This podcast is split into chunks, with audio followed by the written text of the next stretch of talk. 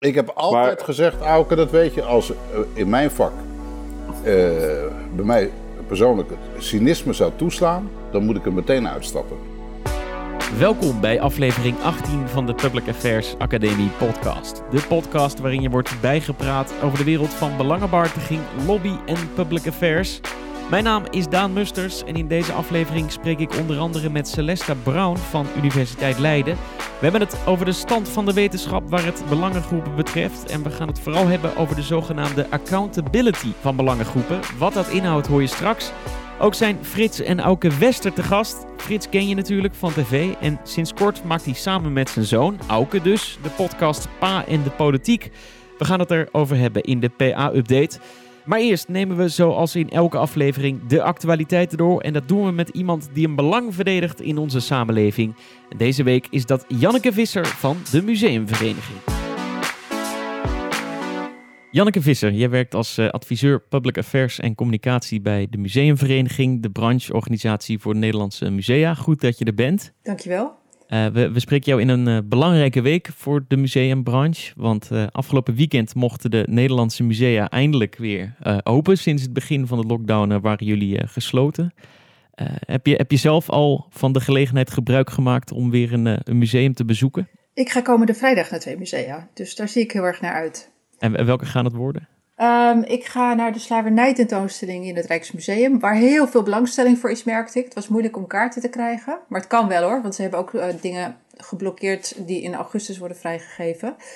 En ik ga naar het Joods Historisch Museum in Amsterdam ook, waar een tentoonstelling is over de Joodse cultuur in, de- in de omgeving van het Waterloopplein. En ook eentje Joden zijn, zijn Joden wit. Het gaat over welke vooronderstellingen mensen hebben over eh, mensen met een Joodse achtergrond.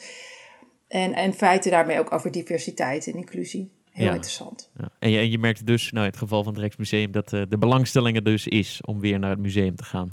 Ja, ik heb eh, zelf even gekeken de afgelopen dagen hoe het was. Ehm, vooral bij de grote musea was het afgelopen weekend, toen ze voor het eerst weer open waren, echt moeilijk om nog kaartjes te krijgen.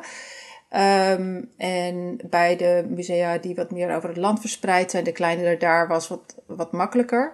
Want dat zijn dingen waar mensen wat spontaner heen gaan. En die grote dingen, daarvoor weet je, je moet boeken, anders dan eh, loop je, grijp je misschien mis.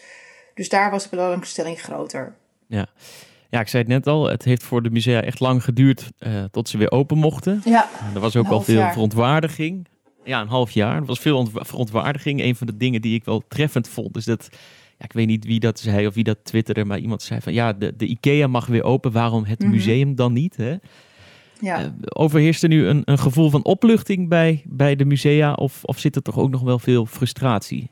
Nou, de, ik, wat ik heb gemerkt is dat ze vooral heel blij zijn dat er weer mensen over de vloer komen. Daar hebben musea enorm naar uitgezien. Ze hebben tentoonstellingen klaarstaan, waar natuurlijk ook heel veel werk in is gestoken, eh, die heel graag aan mensen willen laten zien.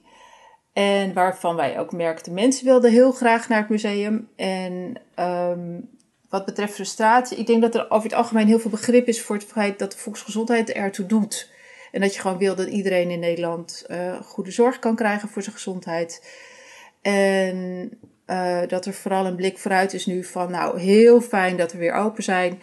Fijn dat er weer mensen over de vloer gaan komen. Maar het wordt ook een hele spannende tijd. Want nu de allerergste coronanoden achter de rug zijn wat betreft eh, het aantal besmettingen, kan je weer verder vooruit gaan kijken. En ehm, waar vooral de spannende tijden nu aankomen, is eigenlijk financieel. Want voorlopig zullen de bezoekaantallen nog op een lager niveau zijn, omdat er een maximum is aan het, mensen, dat aantal mensen dat naar binnen kan. En met die anderhalve meter is dat ongeveer 15 à 20 procent van wat het voorheen was. Dus het is een, echt een enorme daling.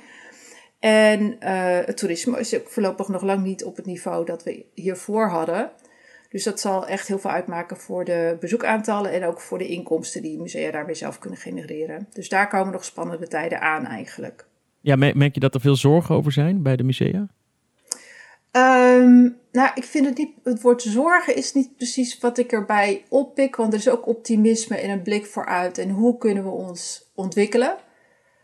Ehm, maar de randvoorwaarden moeten er wel zijn. Dus er is wel iets van. Oh ja, bij 30% van de musea is vorig jaar al personeel verdwenen. om financiële redenen. En dit jaar verwacht ook ongeveer een kwart musea, van de musea dat er nog uh, gesneden moet worden in het personeelsbestand om, om diezelfde reden. En eigenlijk moet je juist gaan extra gaan inspannen nu. En om weer mensen naar je museum uh, te lokken. Ook al zijn ze hartstikke enthousiast, je moet er toch op attenderen. Wij zijn er weer. We hebben leuke dingen te bieden. En je wilt misschien ook wel vaker speciale dingen bieden, zodat ze vaker gaan komen. Juist omdat je het van het Nederlandse publiek moet hebben. En er zijn ook extra uitdagingen. Er wordt steeds meer aandacht besteed aan duurzaamheid. Nou, daar wil je ook gewoon de middelen voor hebben en de mogelijkheden om gebouwen duurzamer te maken. En um, om ook zo pandemieproef mogelijk dat meteen te doen. Door bijvoorbeeld gescheiden in- en uitgangen uh, te creëren. Er is qua digitalisering en collectiezorg nog heel veel te doen. En die musea willen heel graag ook veel aandacht besteden aan diversiteit en inclusie. Dat doen ze ook al. Um, maar het zijn allemaal dingen waar je gewoon nieuwe expertise, extra mensen, eigenlijk liefst voor over de vloer wat hebben lopen. Terwijl het juist bij minder mensen moet voorlopig. Ja, dat, dat brengt ons misschien bij een, uh, bij een groter thema, namelijk de, de rol van kunst en cultuur in onze samenleving. Uh, de, de, coronacrisis heeft ons ook met de neus op de feiten gedrukt. Hè? Ineens uh, ervoeren we, of ervaren we nog steeds voor, voor een gedeelte, wat het betekent als je in één keer niet meer naar het museum kan, als je niet meer naar het theater kan, als je niet meer naar een concert kan of naar een festival kan. Uh, wat heeft de coronacrisis jou geleerd over uh, het belang van kunst en cultuur in onze samenleving? Het grappige is, ik, ben, uh, ik werkte tot maart vorig jaar vooral voor wetenschappelijke organisaties. En dat deed ik met heel veel plezier, want ik ben leergierig en er, er lopen heel veel creatieve mensen in de wereld rond. Maar ik ging ook veel naar het museum. Toen begon ik vorig jaar 1 maart bij de museumvereniging en toen brak deze crisis uit. En toen heeft dat me ontzettend bewust gemaakt van en in de culturele sector zie je ook die creativiteit en de nieuwsgierigheid naar van alles. En uh, hoe enorm veel steun er is voor cultuur. Um, naar musea gingen in 2019 33 miljoen keer gingen mensen daar langs. We hebben 1,4 miljoen museumkaarthouders uh, uh, hadden we in 2019 en dat zijn er nog steeds 1,3 miljoen. Dus dat is een enorme trouw en steun. En hoeveel mensen wel niet zeiden online, in social media, in interviews en onderling van goh, ik zou zo graag weer naar, en dan noemden ze theater of het museum of iets anders uit de culturele sector. En ik vind het ook heel uh, positief om te zien dat de culturele sector echt samen is opgetrokken om steun te realiseren. En dat er vanuit het kabinet en het ministerie van OSW mensen ook echt ontzettend hun best hebben gedaan om die te realiseren. En ze zijn over de brug gekomen. En dat heeft voor musea betekend dat ze er bijna allemaal nog zijn. Um, en dat had er anders echt heel anders uitgezien.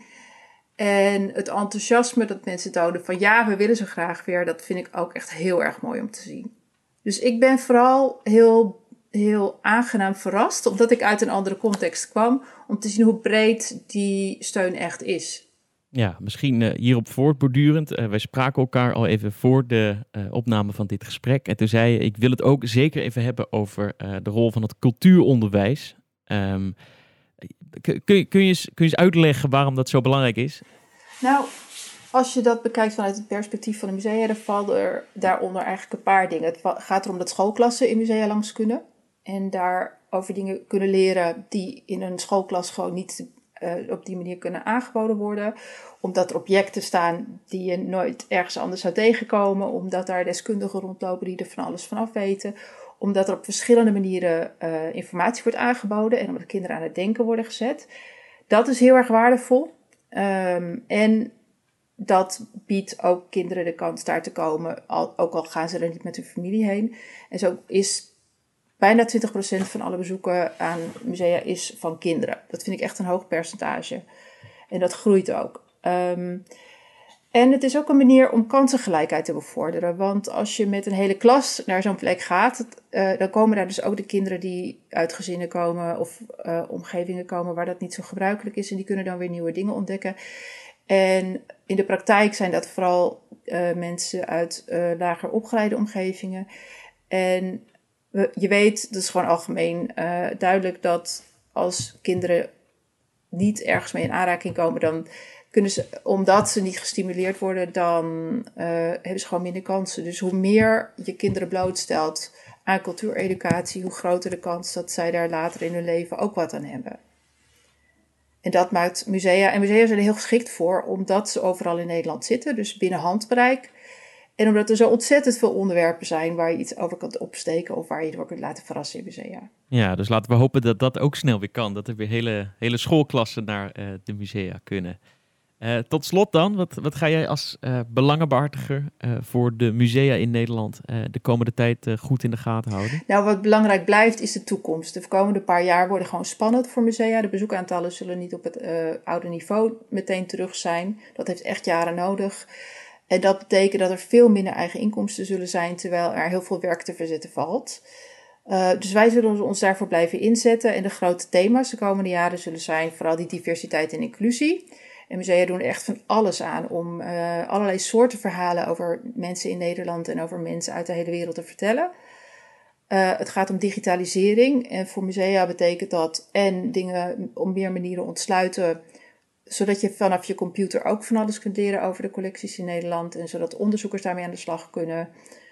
Um, en het gaat over duurzaamheid, dus het gaat ook over het verduurzamen van de gebouwen waar musea in zitten bijvoorbeeld.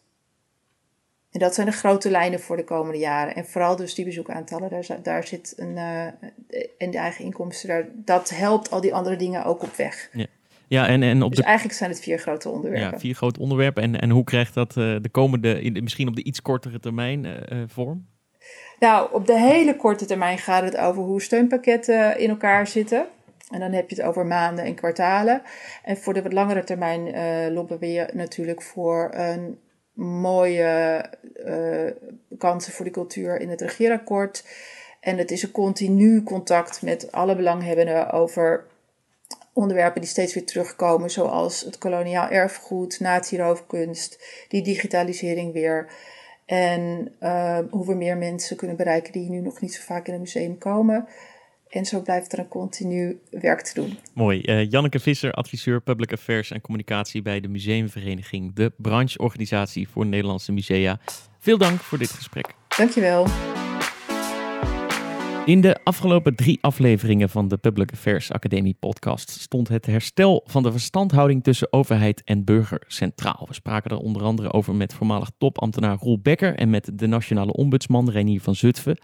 Uh, in principe hebben we die serie afgesloten, uh, maar een thema dat toch in elk gesprek wel terugkwam was de democratische legitimiteit van maatschappelijke akkoorden en belangengroepen die daaraan deel hebben genomen. Vandaag praten we daarover verder en wel vanuit wetenschappelijk perspectief. En dat doen we met Celeste Brown, hoogleraar Public Governance en Civil Society aan Universiteit Leiden. Uh, Celeste Brown, welkom in onze podcast. Dankjewel. Ik noemde het net al, een aantal weken geleden uh, spraken we in deze podcast met de Nationale Ombudsman. En uh, die stelde dat bij de totstandkoming van de maatschappelijke akkoorden, die we de afgelopen, uh, het afgelopen decennium hebben, hebben leren kennen, eigenlijk wat weinig ruimte was voor de burger. Hoe, hoe kijk jij naar, die, naar zo'n uitspraak? dat is een hele interessante observatie van, van hem, hè? Dat, de, dat de stem van de burger minder goed tot uiting is gekomen. Er zijn eigenlijk twee vragen, of één vraag die bij mij naar boven komt, is nou wie is dan de burger? En uh, een tweede aspect, eigenlijk misschien nog wel crucialer, is iets wat um, van Zutphen ook aankaart in zijn podcast, of in de podcast die jullie opgenomen hebben. Um, en dat is die link tussen het maatschappelijk middenveld, of de organisaties die het maatschappelijk middenveld uh, bepalen, en de burger of de achterban. En het lijkt er eigenlijk op uh, dat die link niet helemaal goed tot stand komt. Dus dat de stem van de burger of de verschillende belangen die uh, burgers kunnen hebben in hun verschillende posities en rollen, niet altijd goed vertaald wordt door het maatschappelijk middenveld en dan op de onderhandelingstafel terecht. Ja, in, in de wetenschappelijke literatuur hebben jullie het dan wel over de accountability van belangengroepen. Uh, kan je eens uitleggen wat daarmee bedoeld wordt? Ja, zeker. Moet, moet, uh, moet ik denk ik eerst even een stap terugzetten. Dus Reinier van Zutphen doet eigenlijk een hele relevante uitspraak uh, in jullie interview. Namelijk dat uh, ze met 220 medewerkers hard hun best doen om de signalen uit de samenleving op te pikken. En dat dat heel moeilijk is, uh, omdat het veel werk is, maar ook omdat er groepen in de samenleving zijn die minder makkelijk bereikbaar zijn. En dat daar juist het maatschappelijk middenveld een hele grote rol in kan spelen. En dat ze dus het maatschappelijk middenveld nodig hebben om deze verschillende doelgroepen te bereiken, als het ware. dan zegt hij nog iets anders cruciaals bij. Maar dan willen we wel uh, belangenorganisaties die echt optreden als intermediair. Dus die anderen een stem geven in plaats van uh, organisaties die voor anderen of voor bepaalde belangen um, en burgers spreken. En dat is eigenlijk het, uh, het, haakje of het aanhakingspunt waarmee wij met ons uh, artikel, wat ik samen met een aantal collega's heb geschreven, hebben met Bert Vrouwse, Adria Albarede en William Maloney, waar we het hebben over accountability. En accountability is eigenlijk het verantwoordingsproces. Wie, wie legt de verantwoording aan wie af en hoe doe je dat?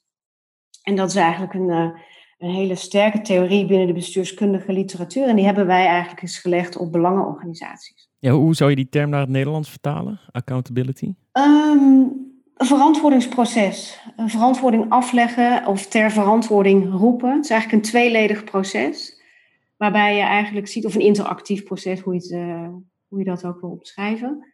Waarbij er een partij is die verantwoording moet afleggen. Bij belangenorganisaties kun je dan denken aan het bestuur, het leiderschap, de bureauorganisatie. Althans, zo hebben wij het ingevuld. En uh, zij leggen verantwoording af, of zouden verantwoording moeten afleggen, uh, aan hun leden en hun achterban over wat zij uh, inbrengen in de politiek-bestuurlijke arena of richting de overheid en wat zij terugkoppelen. Ja, dus, dus die, uh, dat verantwoordingsproces, dat is zowel, heeft zowel iets met het, het, interne proces te maken als hoe dat ze naar buiten treden, zeg maar. Ja, exact. En dat is het hele interessante of het hele intrigerende eigenlijk aan belangenorganisaties, dat zij functioneren als, of een idealiter zouden zij functioneren als communicerende vaten met twee grote vaten of pijlers, zo je wil. En de ene pijler is um, hun inbreng en samenwerking met de overheid of met de media, waarin ze hun belangen verwoorden, hun standpunten verkondigen, hun inbreng leveren in, uh, in samenwerking met verschillende publieke instellingen. Dat is één pijler. De andere pijler is de ledenbetrokkenheid. Dus hoe uh, betrekken zij uh, leden bij de organisatie? Hoe informeren zij hun leden? Hoe zorgen ze ervoor dat de belangen en de informatie die beschikbaar is bij de leden goed terechtkomt in de standpunten die zij dan weer verwoorden richting uh, de overheid. Dus die verbinding daartussen, uh, als die optimaal is, dan werkt een belangenorganisatie eigenlijk uh, als communicerende vaten. Want dan geeft het de inbreng van de leden door, of vertaalt het dat in standpunten richting de overheid, inbreng richting de overheid, maar ook vice versa. koppelt het belangrijke ontwikkelingen, nieuwe regel, regelgeving terug naar um, uh, naar hun leden en achterban. Ja, wat je nu schetst is eigenlijk een soort ideaalbeeld. Hè? Je, je idealiter ja. functioneert een, een, een belangengroep ja. zo. Uh, valt er iets te zeggen over hoe, um, hoe legitiem representatief belangengroepen over het algemeen zijn en of daar bepaalde tendensen uh, te zien zijn? Bijvoorbeeld nou ja, als je het over de tijd bekijkt. Dat ligt er een beetje aan waar je naar kijkt. Maar als ik me richt op de organisatie zelf, dan kan je eigenlijk zeggen dat um, even grofweg een belangenorganisatie uh, legitiem is, zolang het de, of dat is één belangrijk punt, niet het enige punt, zolang het de belangen en de inbreng van de leden of de achterban zo evenredig en evenwichtig mogelijk meeneemt. En dan heb ik het alleen over de legitimiteit van de organisatie als zodanig. En als we het op wat uh, grootschaliger niveau kijken, over het maatschappelijk middenveld, dan kan je spreken over een legitiem functionerend maatschappelijk middenveld als het niet te veel blinde vlekken kent. Dus als er niet te veel maatschappelijke belangen of minderheidsbelangen uh, ondergesneeuwd raken. Dus als je een evenredige vertegenwoordiging hebt van eigenlijk alle maatschappelijke, sociale, economische belangen hebt. En dat is moeilijk. Er zit een behoorlijk scheve verhouding in. En die scheve verhouding uh, lijkt uh, de afgelopen jaren toegenomen. Uh, te zijn. Maar dat is over de hele historie is dat moeilijk te zeggen. Het heeft ook vooral te maken met hoe responsief de overheid is ten opzichte van dat hele speelveld aan belangen. En dat heeft ook gewoon te maken met uh, de politieke samenstelling van de coalities. Ja, ja kun je dat eens toelichten? Wat, wat, wat betekent, welke rol heeft de overheid uh, in, die, in die representativiteit, zeg maar? Ik denk dat de overheid een aantal rollen heeft. En één rol um, die van belang is, is dat op ambtelijk niveau er zo'n evenredig mogelijk beeld bestaat van de belangen die ertoe doen voor een besluitvormingsdossier. Dus denk aan issues van klimaat, maar denk bijvoorbeeld ook even aan het managen van de coronacrisis. Als de, alle relevante maatschappelijke belangen op tafel liggen, dan is het ook meer inzichtelijk te maken op basis waarvan de afweging, de politieke afweging heeft plaatsgevonden. Dus dat is een taak op ambtelijk niveau om zoveel mogelijk gezichtspunten boven tafel te krijgen, letterlijk en figuurlijk. Dan is het uh, aan de politiek om een afweging te maken, maar een tweede belangrijk aspect, of een fundamenteel aspect hiervan, is eigenlijk verantwoording afleggen over deze afweging. Richting parlement, uh, vooral uh, ten eerste zou ik eigenlijk zeggen, over welke belangenafweging er is gemaakt op basis van welke inbreng. En daar zie je wel veel ondoorzichtigheid en weinig transparantie. En daar zie je ook veel debatten en uh, recente kwesties over gaan. Hè, over de ondoorzichtigheid van lobby, het bestaan van beperkte lobbyregelgeving in ons land. Dat heeft heel erg daarmee te maken. Ja, dus het is heel erg van belang uh, wie er aan tafel komen te zitten eigenlijk. Ja, exact. Het is van belang wie er aan tafel uh, komen te zitten. Hoe representatief zijn deze organisaties en belangen voor het hele palet aan maatschappelijke belangen dat relevant is voor een bepaald dossier. En dan een tweede punt is, en daar begonnen we eigenlijk uh, ons gesprek mee, is hoe representatief zijn deze organisaties voor hun eigen achterban. En daar komt weer die verantwoording bij kijken. Want hoe organiseer je als belangenorganisatie nou die leden inbreng en de inbreng van de achterban op een goede manier intern. En zorg je ervoor dat die informatie stroomt, van die tweerichtingsverkeer, dat tweerichtingsverkeer dat tussen het bestuur van zo'n organisatie en de leden optimaal plaatsvindt. En dat is een lastige. We hebben de afgelopen jaren wel vaker um, situaties gezien waarin dat mis is gegaan. En dat er akkoorden worden gesloten, denk ik een paar jaar geleden, met uh, toenmalig minister um, van onderwijs en de belangrijkste onderwijsbonden. En dat de achterban zich eigenlijk daar helemaal niet in kon vinden. En dat er allerlei demonstraties waren. En dat is een uiting van beperkte ja, verantwoording, zou je kunnen zeggen. En beperkte ledenbetrokkenheid binnen zo'n organisatie. Ja, we gaan het er zo nog even over hebben van wat je als organisatie kunt doen om uh, die belangen beter te integreren van je achterban. Maar is nog even, uh, het, we hebben het nu de hele tijd over, uh, over belangenorganisaties in het algemeen gehad. Mm -hmm. Er zijn natuurlijk verschillende typen belangenorganisaties, beroepsorganisaties, burgerorganisaties, industrieorganisaties. Uh, welke, verschillen in, welke verschillen vallen in dat opzicht op? Welke organisaties zijn er nou beter in om hun belangen te, uh, de belangen van hun achterban te vertalen dan, dan andere organisaties? Ja, dat is een hele goede vraag, maar ook een ingewikkelde om te beantwoorden. Kijk, het, het, het algemene beeld dat er is, is dat de, de grote beroepsorganisaties en brancheorganisaties beter zijn om de belangen te vertegenwoordigen. Ik denk dat dat maar ten dele zo is. De algemene redenering is, daar zitten meer middelen en meer geld, dus zijn ze beter in staat om hun belangen te vertegenwoordigen. Ik denk dat dat maar ten dele zo is. Bij de kleinere brancheorganisaties en beroepsorganisaties en bij burgerbewegingen en NGO's zit vaak net zoveel kennis en expertise om uh, de belangen van hun leden of achterban te vertegenwoordigen. Maar is het, um, het gehele aandeel wat ze hebben, of het gehele palet aan middelen gewoon beperkter. Dus ze kunnen het wel, de expertise is er aanwezig om het te doen, maar ze hebben uh, vaak minder slagkracht. Dus het, als je het hebt over kwantiteit, om het zo uit te drukken, zou je zeggen dat de grotere organisaties daar steviger in staan. Maar qua kwaliteit wil ik daar, uh, is het moeilijk om een uitspraak te, uh, te doen of de ene het beter doet dan de ander. Ja, wat betekent de, um, de, accountability of de representativiteit uh, voor de houding die een organisatie aanneemt aan de onderhandelingstafel? Um, je, je, noemt net bijvoorbeeld het, het, het voorbeeld van uh, de onderwijsorganisaties, uh, waarbij de, de organisaties zelf ja, toch een iets coöperatievere houding aannamen dan, dan eigenlijk gewenst werd vanuit de achterban, zeg maar. Ik denk in zijn algemeenheid dat je daarvan kan zeggen als je vanuit een verantwoordingsperspectief naar belangenorganisaties kijkt, dan ga je ervan uit dat de vertegenwoordigers van zo'n belangenorganisatie een bepaald mandaat hebben van hun leden en hun achterban. En zolang ze binnen dat mandaat opereren of goed weten wat het mandaat is, uh, vertegenwoordigen ze hun achterban op een goede wijze. Als dat minder is, als dat minder tot uiting komt, um, dan kunnen er andere belangen meespelen. Um, en die andere belangen gaan dan vaak over het belang om als gesprekspartner uh, aan tafel te kunnen blijven zitten. of toegang te kunnen blijven houden. En dat belang hoeft niet altijd in lijn te liggen met het belang van leden op een bepaald dossier. Dus als je in de onderhandeling bepaalde concessies doet die niet binnen het inhoudelijke mandaat vallen op een bepaald dossier, kan dat bijvoorbeeld helpen om jou als organisatie langer aan de onderhandelingstafel te houden voor andere dossiers of in de toekomst, maar minder uh, recht doen aan het inhoudelijke mandaat uh, op, een, op een specifiek beleidsterrein. En dat is een hele moeilijke balanceeroefening. En je ziet dan ook dat veel uitingen in de media van belangenorganisaties een deels een signaleringsfunctie hebben, niet alleen richting de, de overheid of de politiek, maar ook richting de achterban, om te laten weten we zijn er echt mee bezig. Alleen besluitvorming en onderhandelingen vragen soms ook uh, compromissen, die misschien niet altijd in lijn liggen met een uh, specifiek onderdeel of een specifieke wens van de achterban.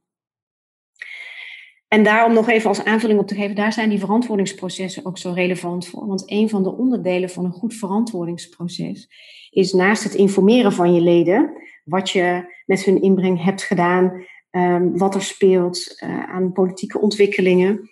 Uh, een belangrijk ander onderdeel is het aangaan van dialoog met je leden en de discussie aangaan van wat hebben wij met jullie inbreng gedaan. Niet alleen het informeren, maar ook open durven te staan voor uh, inbreng vanuit je leden en daarmee je standpunt en je inbreng misschien richting de politiek en bestuur aan te kunnen passen. En dat zie je dat in verschillende maten wordt georganiseerd in de meeste belangenorganisaties. Er is vaak wel een algemene ledenvergadering, er zijn wel vaak werkgroepen, maar het is heel moeilijk om dat een continu proces te laten zijn. Want het kost tijd en de politieke waan van de dag die gaat vaak sneller dan je, uh, dan, dan je tijd hebt om zo'n intern proces te organiseren.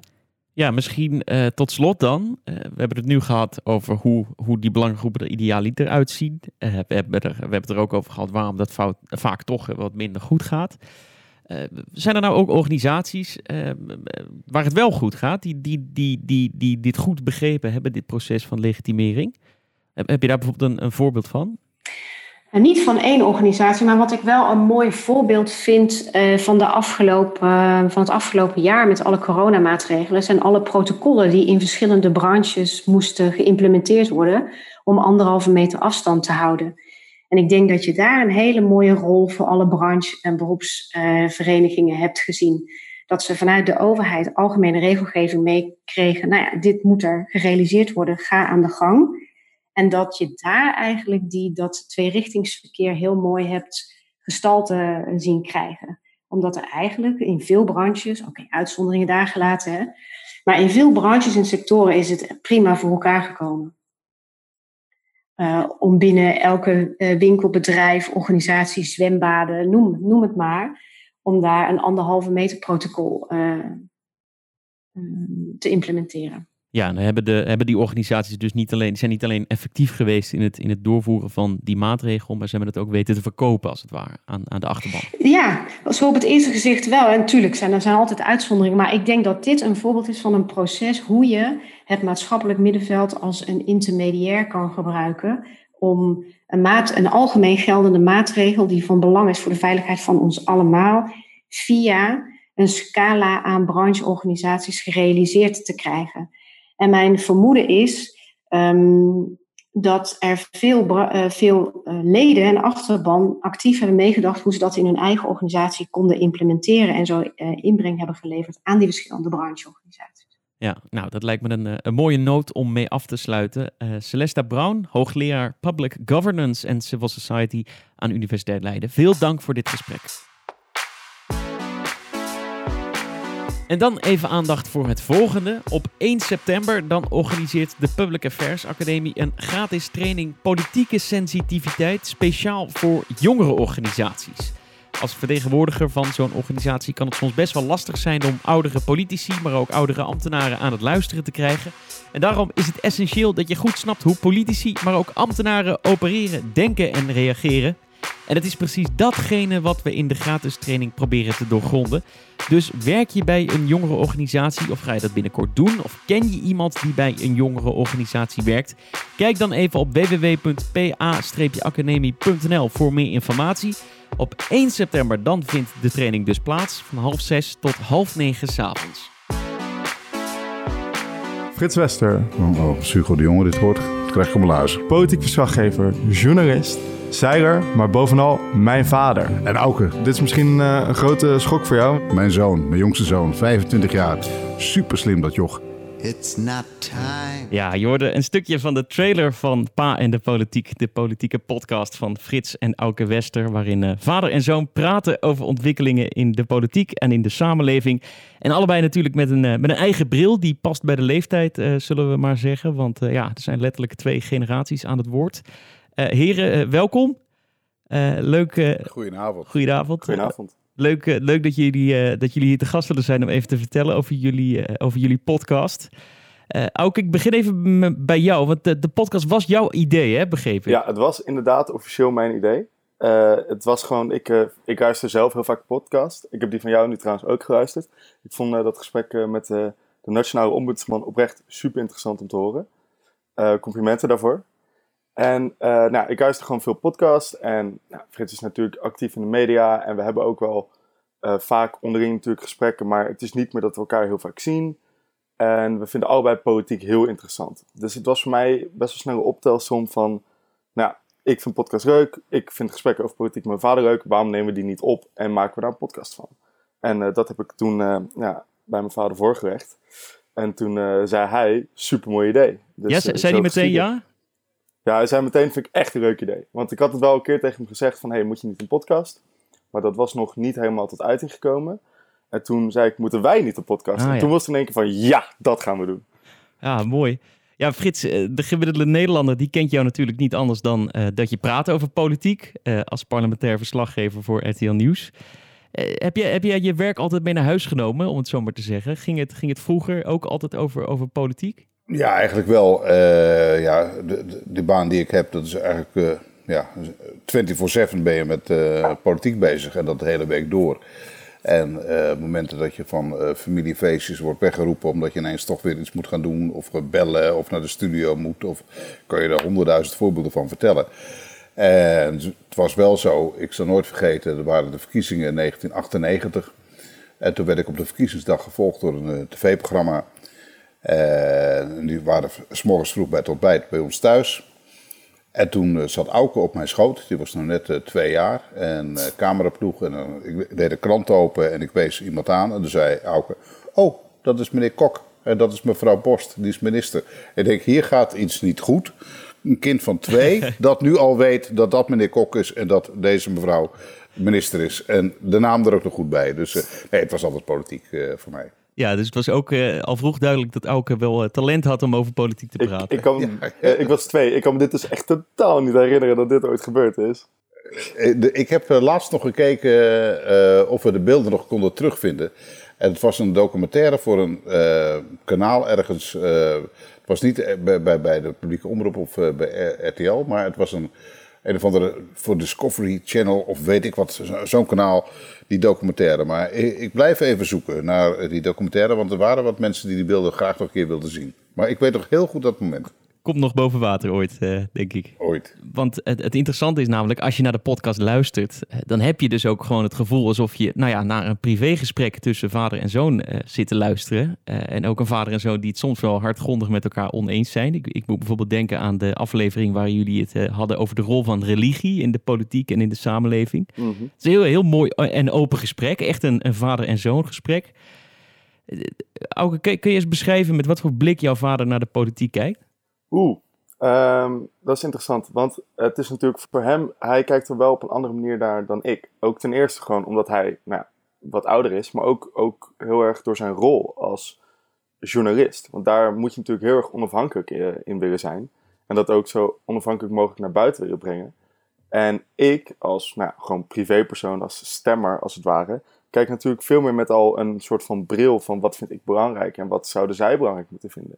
En daarin eh, weet, zie ik wel dat, dat mijn vader echt veel genuanceerder is, als het ware. Die veel meer kijkt naar ook de belangen per partij en kijkt of dat dan een goede keuze is, ja of nee. En niet kijkt naar zijn eigen belang of iets in die richting. Ja, en jij bent wel meer geneigd om inderdaad vanuit jezelf te spreken, zou je bijna zeggen. Ja, ik heb wat meer kleur. Ik hoorde net ook eh, wat zeggen over nou, die aflevering met religie bijvoorbeeld. En dat je inderdaad Ja. naar een privégesprek luistert. En ik zat het laatst ook te bedenken dat het wel...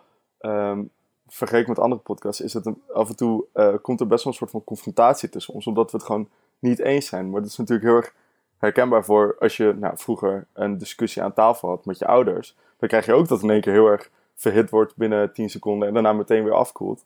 En dat krijgen wij wel af en toe bij onze podcast, waar dat bij andere podcasts denk ik wat minder voorkomt. Ja, Frits, raak je niet soms een beetje in de spagaat? Van aan de ene kant ben je inderdaad journalist, uh, neutrale kijker. En aan de andere kant, ja, ben je toch soms ook gewoon oneens met je zoon? Oh nee, maar dat laatste is alleen maar leuk. En uh, dat, anders zou het, die podcast helemaal niet leuk zijn volgens mij. Als wij iedere keer zeiden, oh ja, dat vind ik ook, ja, dat vind ik ook. Nee, het gaat juist om uh, ja, vader-zoon, twee generaties die allebei met een andere bril uh, naar de politiek kijken. Auke zei het al, het wordt bril.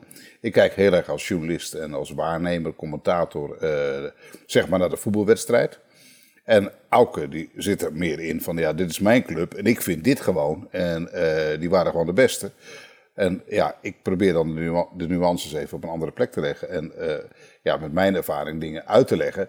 En daar mag je het mee eens zijn of niet mee eens zijn. En ik vind het heel leuk als je het er gewoon lekker niet mee eens zijn is. Ik had dat, dit type discussies vroeger uh, aan tafel, ook met mijn vader. Gewoon van, ja, maar pap, sorry, ik vind gewoon dit. En ja, nee, wat jij vindt, dat is wel vrij ouderwets. En later dacht ik er wel vaak, ach, misschien had die oude wel gelijk. Nou, misschien dat Auke dat af en toe soms ook denkt, dat weet ik niet. Maar, uh, maar dat maakt zo'n gesprek veel leuker. Het moet ook een beetje confronterend zijn, en, uh, een beetje botsen, een beetje schuren. Ja. ja, ik vroeg het net aan Auke. Kun je, kun je de, de blik die, die Frits heeft op de politiek beschrijven? Zou jij eens kunnen beschrijven hoe, hoe Auke naar de politiek kijkt? Ja, Auke is uh, heel betrokken. Hij, uh, hij studeert nog, uh, doet twee studies, bedrijfseconomie, fiscaal recht. En kijkt ook met naar de economie, van hoe doen mensen dit? Hij heeft eens tegen mij gezegd, nou ik zou eens bij deze partij stage willen lopen, en, want die snappen echt niks van fiscaliteit. Uh, en dan, dan, zeg ik waarom niet. En legt hij uit waarom hij dingen compleet anders ziet. En dat hij eigenlijk zo'n partij zou willen helpen. En die drive, ja, die had ik vroeger natuurlijk ook wel. En, uh, en hij volgt het echt met heel veel interesse en belangstelling. En heeft er ook een mening over. En dat vind ik alleen maar leuk. Want ik word altijd een beetje moe van mensen die zoiets hebben van... Ah ja, het zal wel. Oké, ja, uh, dacht het wel. Ja, toch, niet dan. Bedoel, uh, vind gewoon iets. Het maakt mij niet uit wat je vindt. Of het nou links of rechts of door het midden is of hoe dan ook. Maar vind iets en redeneer, redeneer daarvan uit. En dat vind ik het mooie bij Auken. Die doet het ook heel erg. En die kijkt gewoon van... Hallo, ik ben student. Ik ga straks aan het werk. Ik wil een toekomst opbouwen. Ik ben bezig met milieu. En uh, hallo, die windmolens en die zonnepanelen. Ik vind het wel belangrijk. Terwijl ik dan denk, nou, ik vind het wel wat veel windmolens. En ik vind dat niet zo mooi in het IJsselmeer. Maar ik zie ook die toekomst wel. Uh, dat je naar duurzaamheid moet. En, nou ja, en dan zie je ook een nieuwe generatie opstaan die daar heel erg uh, mee bezig is. En dan vertaal ik dat soms terug naar toen ik zijn leeftijd had. En ook al politiek actief was. En op zijn leeftijd al voorlichter was bij de CDA Tweede Kamerfractie. En vanaf mijn zestiende politiek actief. Toen was ik ook heel erg eigenlijk met dat soort dingen bezig. En toen ging het over kernenergie en neutronenbommen. En, de inpoldering van de marken waard wel of niet. Uh, en dat ja, enthousiasme, nou, dat is misschien niet helemaal het goede woord, maar die drive, die, ja, dat vind ik heel mooi. Ja, het is toch iets, iets uh, wonderlijks, hè? dat je, uh, wanneer je jong bent, toch met een bepaalde andere houding in de politiek staat. Of, of vul ik dan te veel in? Nou, ik denk dat het wel waar is. Ik denk dat iedereen dat wel herkent, dat je inderdaad um, nou, gedurende je leven een beetje die transitie doorgaat.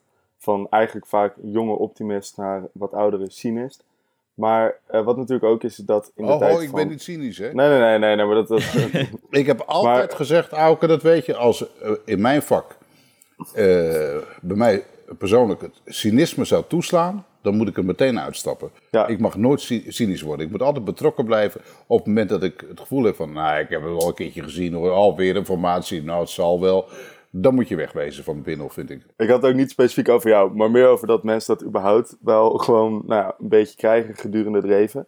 En ik merk zelfs al nu op mijn leeftijd dat je er ook af en toe nou, net even wat, ik wil niet zeggen wat, nou, misschien cynisch, cynisch niet het juiste woord, maar misschien wat minder optimistisch wordt. Wat meer kan gaan doemdenken of iets dergelijks. Maar um, wat natuurlijk in de tijd van mijn vader uh, de grote maatschappelijke problemen waren, dat zijn op het moment natuurlijk ja, niet meer dezelfde problemen. Die zijn of opgelost of zijn omgezet in andere problemen. Zoals nou, de, het risico van dat, dat er een kernoorlog uitbrak. Dat gevoel, dat was toen veel groter. En dat was toen veel belangrijker eh, voor, nou, in het publieke debat. Terwijl nu is bijvoorbeeld dat een beetje vergelijkbaar met klimaat. Dat vinden we nu heel belangrijk. Mijn generatie althans. Ja, dus dan is het vooral belangrijk dat de generaties misschien met elkaar in gesprek blijven. Zoals jullie in de podcast doen. Dat, dat sowieso. Dat altijd.